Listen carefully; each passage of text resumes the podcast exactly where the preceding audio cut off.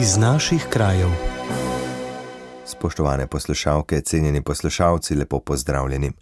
V tokratni oddaji iz naših krajev boste slišali o obeležitvi 130-letnice splošne bolnišnice Murska sobota in 200-letnice prve turistične poti v Škocijanskih jamah. Poročali bomo tudi o festivalu rokodelcev v Mariboru in prazničnem vzdušju v Mozirskem gaju. Vabljeni k poslušanju. Radio ognišče v vašem kraju. Dober dan, v tem prispevku se bomo preselili v Prekmurje, kjer splošna bolnišnica Murska sobota praznuje svojo 130. obletnico predane službe zdravstveni oskrbi in skrbi za lokalno skupnost. Ob tej častitljivi priložnosti so pripravili razstavo, izdali bodo tudi zbornik s predstavitvijo vseh dejavnosti, dosežkov in srčnik zgod bolnišnice. Moj gost je strokovni direktor bolnišnice, specialist internist Dušan Kovač. Kovač. Gospod Kovač, lepo pozdravljeni. Lepo pozdravljeni vam in poslušalcem. Glejte, dogodek boste počastili za osrednjo prireditvijo, ki bo 15. decembra. Slavnostna govornica bo predsednica Republike Slovenije Nataša Pirc Musar. Gospod Kovač, na kaj ste upravičeno ponosni, ko gledate na prehojena leta, odkar ste vi pravzaprav tam zaposleni?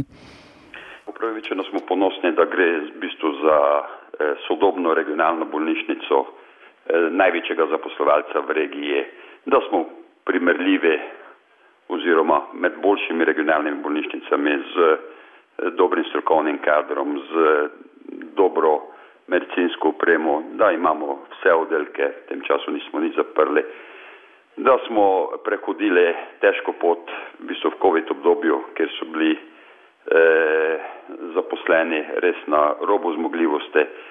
Eh, tu se je izkazalo, da so javni zavodi res pomembni oziroma potrebni za take epidemije in da je treba v bistvu vso pozornost eh, dajati v ohranjanje javnih zavodov in da eh, še zmeraj po COVID epidemije so se procesi dela ohranili, se izboljšujejo in da se razvijamo naprej. Prizadevate si pridobiti najsodobnejšo medicinsko opremo. V tem trenutku, kot pravite, je vaša največja potreba po koronografu, ki ga potrebujete za upravljanje invazivne srčne diagnostike. Kaj to lajično pomeni in kako rešuje življenja taka oprema? Ja, eh, eh, najprej bom povedal, da samo, samo preiskavo, diagnostiko izvajamo že pet let v bistvu eh, je to preiskava, gre za radiološko preiskavo, kjer, slikamo, kjer se poslikajo žile okrog srca eh, in se glede na tisto patologijo na to eh, ali zdravi ali diagnosticira. V bistvu, eh, v bistvu eh, je koronograf eh, sama aparatura, ta radiološka, ampak eh, eh diagnost, eh, poteka pa na njem diagnostika, primeru infarkta rešuje življenje, v primeru bolečin v prsih se žila razširi, stavi se opornica not, tako da je eh, res eh, ključnega pomena za našo bolnišnico. Mi to izvajamo sedaj na eh, oddelku za radiologijo, ker je v bistvu aparatura ustrezna, ampak ni sodobna, tam gostujemo, ne izvajamo to vsak dan tako da potrebe regije so dosti večje za, eh, in si pač prizadevamo za, eh, za nakup te aparature. In zdaj pa še k povabilu, ki ste ga naslovili na slovensko javnost. Iščete namreč donatorje. Pred nekaj leti se spomnim, so s takšnimi pozivi uspešno prišli do potrebnih novih naprav v Ljubljani na hematološki kliniki. E, koga vabite vi in kam lahko nakažejo svoje donacije? Ja, donacije lahko nakažejo na bolnišnico za nakup koronarografa. V bistvu gre za aparaturo, ki smo mislili, da nam bo v bistvu celote ali vsaj delno eh, sofinancirala država, ampak verjetno so poplave odplavile vse nadaljne investicije tudi v zdravstvu, tako da, ker gre res za reševanje življenj, za diagnostiko eh, težkih srčnih obolenj, eh, smo v bistvu ob tej obletnici eh, pristopili k temu, da bi zbrali dodatna sredstva in lahko eh, prej sam aparat tudi kupili. Torej, pozivate vse tiste podjetja in posameznike, da morda letos to, kar bi namenili tudi za poslovna darila, namenijo za vašo bolnišnico za reševanje eh, težav življenj bolnikov src, težav srcem. Eh, moj gost je bil. Strokovni direktor bolnišnice Murska sobota Dušan Kovač, hvala vam za pogovor in upajmo, da se bo čim več ljudi odzvalo vašemu klicu. Eh, nasvidenje.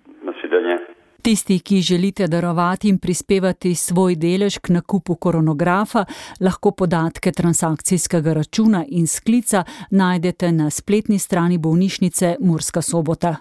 Vnaprej hvala za vaš dar. Prispevek sem za vas pripravila, sestra Meta Potočnik. Radio ognišče v vašem kraju. V parku Škocijanske jame so v minulem tednu slovesnosti obeležili 200-letnico prve turistične poti po škocijanskih jamah. Jame, ki so zaenkrat edina slovenska naravna znamenitost, upisana na UNESCO seznam, si v zadnjih letih ogleda okrog 200 tisoč obiskovalcev na leto.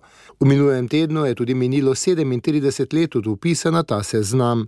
Direktor parka Škocijanske jame Stojan Ščuka. Podatke, ki jih vodimo, vodimo v zadnjih nekaj letih. Ne? Če pogledamo, pred desetimi leti je bilo obiskovalcev 100 tisoč, potem govorimo o rekordnem letu pred COVID-om, leta 2019, ko je bilo preko 200 tisoč obiskovalcev.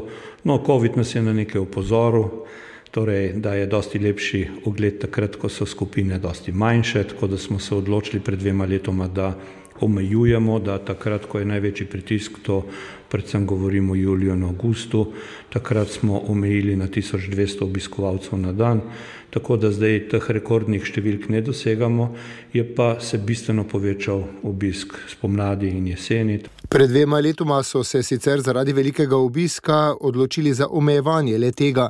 Na vrhuncu poletne turistične sezone si lahko sedaj škocijanske jame ogleda največ 1200 obiskovalcev na dan. S tem načinom so zadovoljni tudi obiskovalci, saj so skupine obiskovalcev manjše in se jim lahko vodniki bolje posvetijo.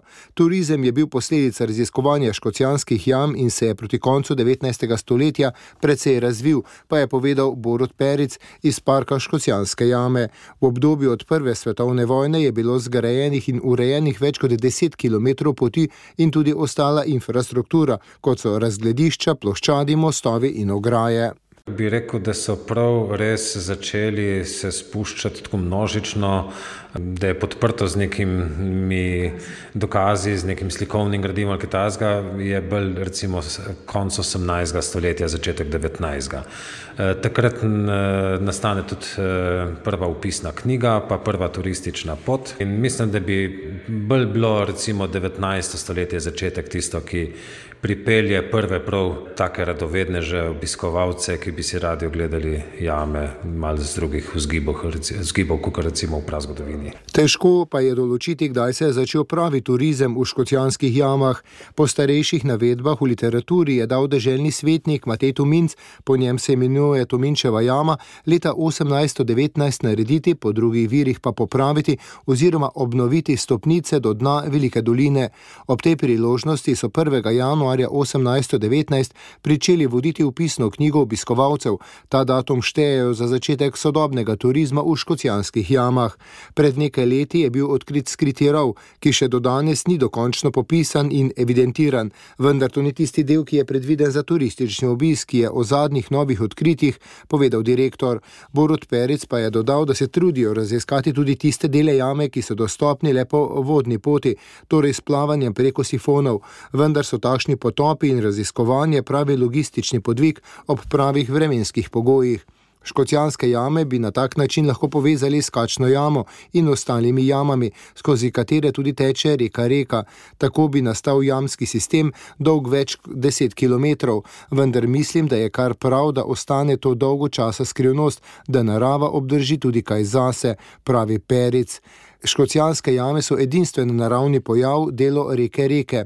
Reka izvira v znožju snežnika in teče po površju 55 km. Ko doseže kras, v zemlji iz apnenca svoje struge ne poglablja več le mehansko erozijsko, ampak tudi korozijsko raztaplja apnenec. Prispevek o tem, da so v škocijanskih jamah obeležili 200-letnico prve turistične poti, sem pripravil Alen Salihovič. Radio ognišče v vašem kraju. V vetrinskem dvoru v Mariboru ta vikend poteka prvi festival rokodelcev. Njegov namen je povezati rokodelce in njihove poklice ter znanja in izdelke predstaviti širši javnosti. Organizatori si hkrati želijo obogatiti tudi ponudbo programov kulturno-umetnostne vzgoje v mestu. Ključno je, da ta dragocena znanja ne gredo v pozabo, povdarjajo organizatori. Kot je povedala Hanna Repše iz zavoda VIP Mars Maribor, ki festival prireja v sodelovanju z ustvarjalko Nina Rozina, Lončarskim centrom Maribor, Obrtno zbornico Slovenije, Društvom Majstri Marpurgi in Narodnim domom Maribor, Namen našega festivala je predvsem v tem, da se poveže rokodelce, da se izpostavi seveda poklice, nekateri izmed teh so že uh, mal bolj v potonu in se nam zdi pomembno sploh otroke in mlade uh, navdušiti nad tem, da obstaja še kaj drugega razen računalnik hkrati pa uh, spodbujamo vseeno nek, nek učinek kulturne dediščine, oziroma neko prepoznavanje kulturne dediščine uh, in lokalne, torej mariborske, oziroma štajerske in vse slovenske. Festivalsko dogajanje je razdeljeno v več tematskih sklopov, znotraj katerih izpostavljajo naravne materijale, ki služijo kot navdih za delo. Raziskujejo obdelavo kovine, stekla in lesa, preizkušajo oblikovanje tekstila in volne ter številne druge zanimivosti. Izpostaviti želijo tako rokodelce in obrtnike, ki spodbujajo ohranjanje starih rokodelskih znanj izdelkov kulturne dediščine, kot tiste, ki ročne spretnosti, tehnologijo ali metode dela uporabljajo na sodobnejši način in tako ustvarjajo sodobnejše unikatne izdelke. Hanna Repše še dodaja, da festival rokodelcev Maribor želi postati platforma, ki bi spodbujala šolske ustanove. V ta namen pripravljamo posebno žirijo in naziv, ki smo ga poimenovali Spretne roke.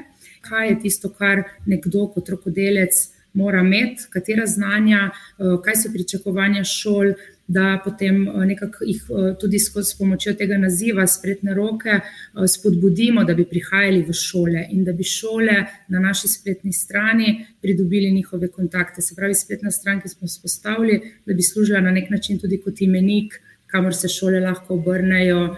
Danes in jutri bodo torej na dvorišču vetrinskega dvora v sodelovanju s kulturnim in umetniškim društvom Majstri Marpurgi poustvarili vtis srednjeveškega življenja. Festival rokodelcev je s projektnimi sredstvi za kulturo podprla tudi mestna občina Maribor. Prispevek sem pripravila Manca Hribar. Radio ognišče v vašem kraju. Z današnjim dnem se mozirski gaj znova odpira in hkrati odeva v praznično vzdušje. Do 7. januarja bo vsak dan od 16. do 21. ure prižganih kar 1,8 milijona lučk. Kaj novega letos prinaša že osma božična bajka Slovenije, sprašujemo Majo Horvat. Ja, božična bajka Slovenije je vsako leto nekaj posebnega in vsako leto popolnoma drugačna, kljub temu, da vedno odeta v te prav posebne praznične lučke. Tudi letos eh, ima svojo zgodbo, ki govori o upanju in energiji in temu, da se ne bomo predali in da za zdržjem vedno posije sonce. Tako da že takoj, ko bodo vstopili v božično bajko Slovenije, se boste deli v rdečo barvo, ki je nekako barva poguma, energije in nekakšen dokaz, da se ne bomo predali, da se bomo borili še naprej in verjamemo, da tudi s prihodnjo sezono res popolnoma sanirali naš čudoviti mozirski gaj.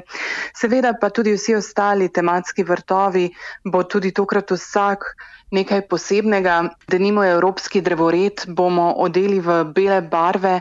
Bela barva je simbol upanja, miru, sožitja, prijateljstva in ravno zaradi tega smo se za njo odločili. Naša ikonična Maurica, ki vas pravzaprav pozdravi že kmalo po vhodu, bo tokrat dejansko v mauričnih barvah. Ravno iz tega razloga, ki sem ga omenila že prej, želimo nekako simbolno pokazati, da za držjem vedno posije sonce in tudi mi smo tako zelo veseli, da nam je kljub poplavam v avgustu uspelo Mozirski gaj sanirati do te mere, da smo ga lahko odprli za božično bajko Slovenije. Japonski vrt bo res nekaj posebnega v takšnih zelenih in vijoličnih otenkih. Jansko je inspiracijo za japonski vrt dobila kreativna vodja Božične bajke Slovenije Ana Bertič, ko je obiskala razstavo svetovno znanega, sicer že zdavnaj preminulega umetnika Moneta. Pa morda še izpostavimo začarano vas. Začarana vas je tako ali tako vedno posebna, čarobna, prinaša pravličnost. In tudi letos bo tako, s tem, da smo jo letos odeli v roza barvo, in jo nekako spremenili v ta Barbie svet, saj vemo, da je v letošnjem letu ravno film Barbie požel zelo veliko navdušenja in tudi tam smo dobili malce inspiracije, predvsem pa ne toliko zaradi filma, ampak predvsem zaradi tega, ker lahko rečemo, da Barbika vseeno prinaša nekako lepoto, drugačnosti, raznolikosti, spominja na to, kako pomembna je samo podoba, kako pomembna je samozavest in smo se na osnovi tega odločili za to roza barvo. Kako močno so pravzaprav avgustovske poplave prizadele muzijski gaj in kako dolga bo sanacija, verjetno bo trajala še leta? Absolutno bo trajalo še zelo, zelo dolgo. Mi sicer verjamemo, da nam bo uspelo sanirati mozirski gaj, da bomo ga lahko odprli tudi prihodno sezono, eh, torej z aprilom. Zasadili smo tudi že čebulice tulipanov, sicer nekoliko manj kot prejšnja leta, pa vendar tokrat vseeno računamo, da bodo tulipani ponovno zacveteli, poleg njih pa tudi cvetlice, ki so nam jih donirali in nam jih bodo donirali donirali domači vrtnari. To so nam obljubili, res nam zelo veliko ljudje pomagajo.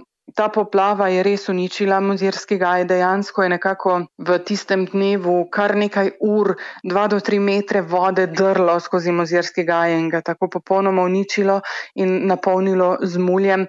No, zaradi tega so bile tudi uničene številne rastline, poškodovani objekti in še marsikaj. Vseeno smo že do božične bajke uspeli sanirati poti, objekte, grmovnice in drevesa. Kljub ja. temu pa nas čaka še zelo veliko dela, da vse skupaj uredimo in popravimo, da bo tako lepo, kot je bilo nekoč, pa vendar pravi vodja parka Darko Bele, da on je prepričan, da nam bo uspelo in da bo naš mozirski gaj čez nekaj let še lepši, kot je bil prej. Z vodjo odnosov z javnostmi v Muzirskem gaju, Majo Horvat, sem se pogovarjala Marta Jerebič. Radio ognišče v vašem kraju. To je bilo v današnji oddaji vse. Če ste del zamudili ali bi prisluhnili še enkrat, vabljeni v audio arhiv Radio ognišče. Sicer pa hvala za pozornost in lep pozdrav do prihodnega tedna. Poslušali ste oddajo iz naših krajev.